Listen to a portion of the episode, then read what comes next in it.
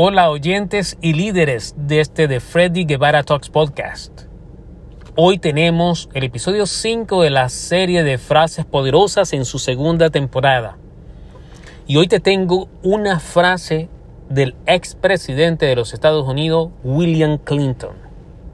Y dice, en la nueva economía, la información, la educación y la motivación son todo lo que se necesita. En la nueva economía, la información, la educación y la motivación son todo lo que se necesita. Y para ampliar esa frase, de acuerdo al expresidente de los Estados Unidos, William Clinton, o mejor conocido como Bill Clinton, esas son las variables, esas son las herramientas que tú necesitas para tener éxito en la nueva economía. La información, la educación y la motivación. ¿Por qué la información?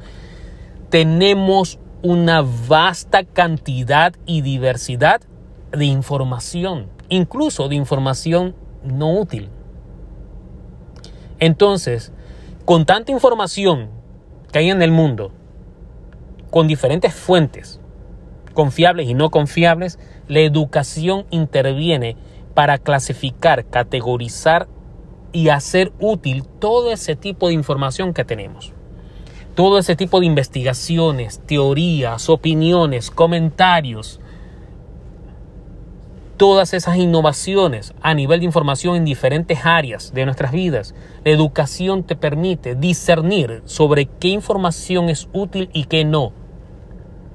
La educación te da las herramientas como para utilizar esa información para el progreso personal y el progreso profesional. Y también, por supuesto, para el progreso de las comunidades, de las ciudades y de los países. La educación es la herramienta que necesitas para hacer útil esa información, para verle la aplicación de esa información. Y la motivación es lo que te va a llevar a aplicar esa educación para alcanzar objetivos. Porque no nos podemos quedar solamente en la etapa de información y recibir y recibir mucha información.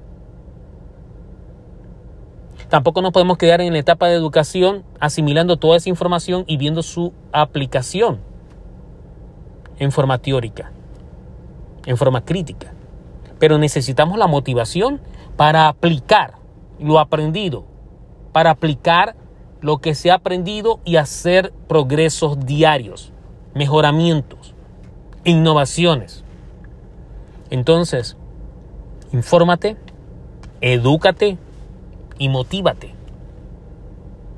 Eso es lo que necesitas para tener éxito.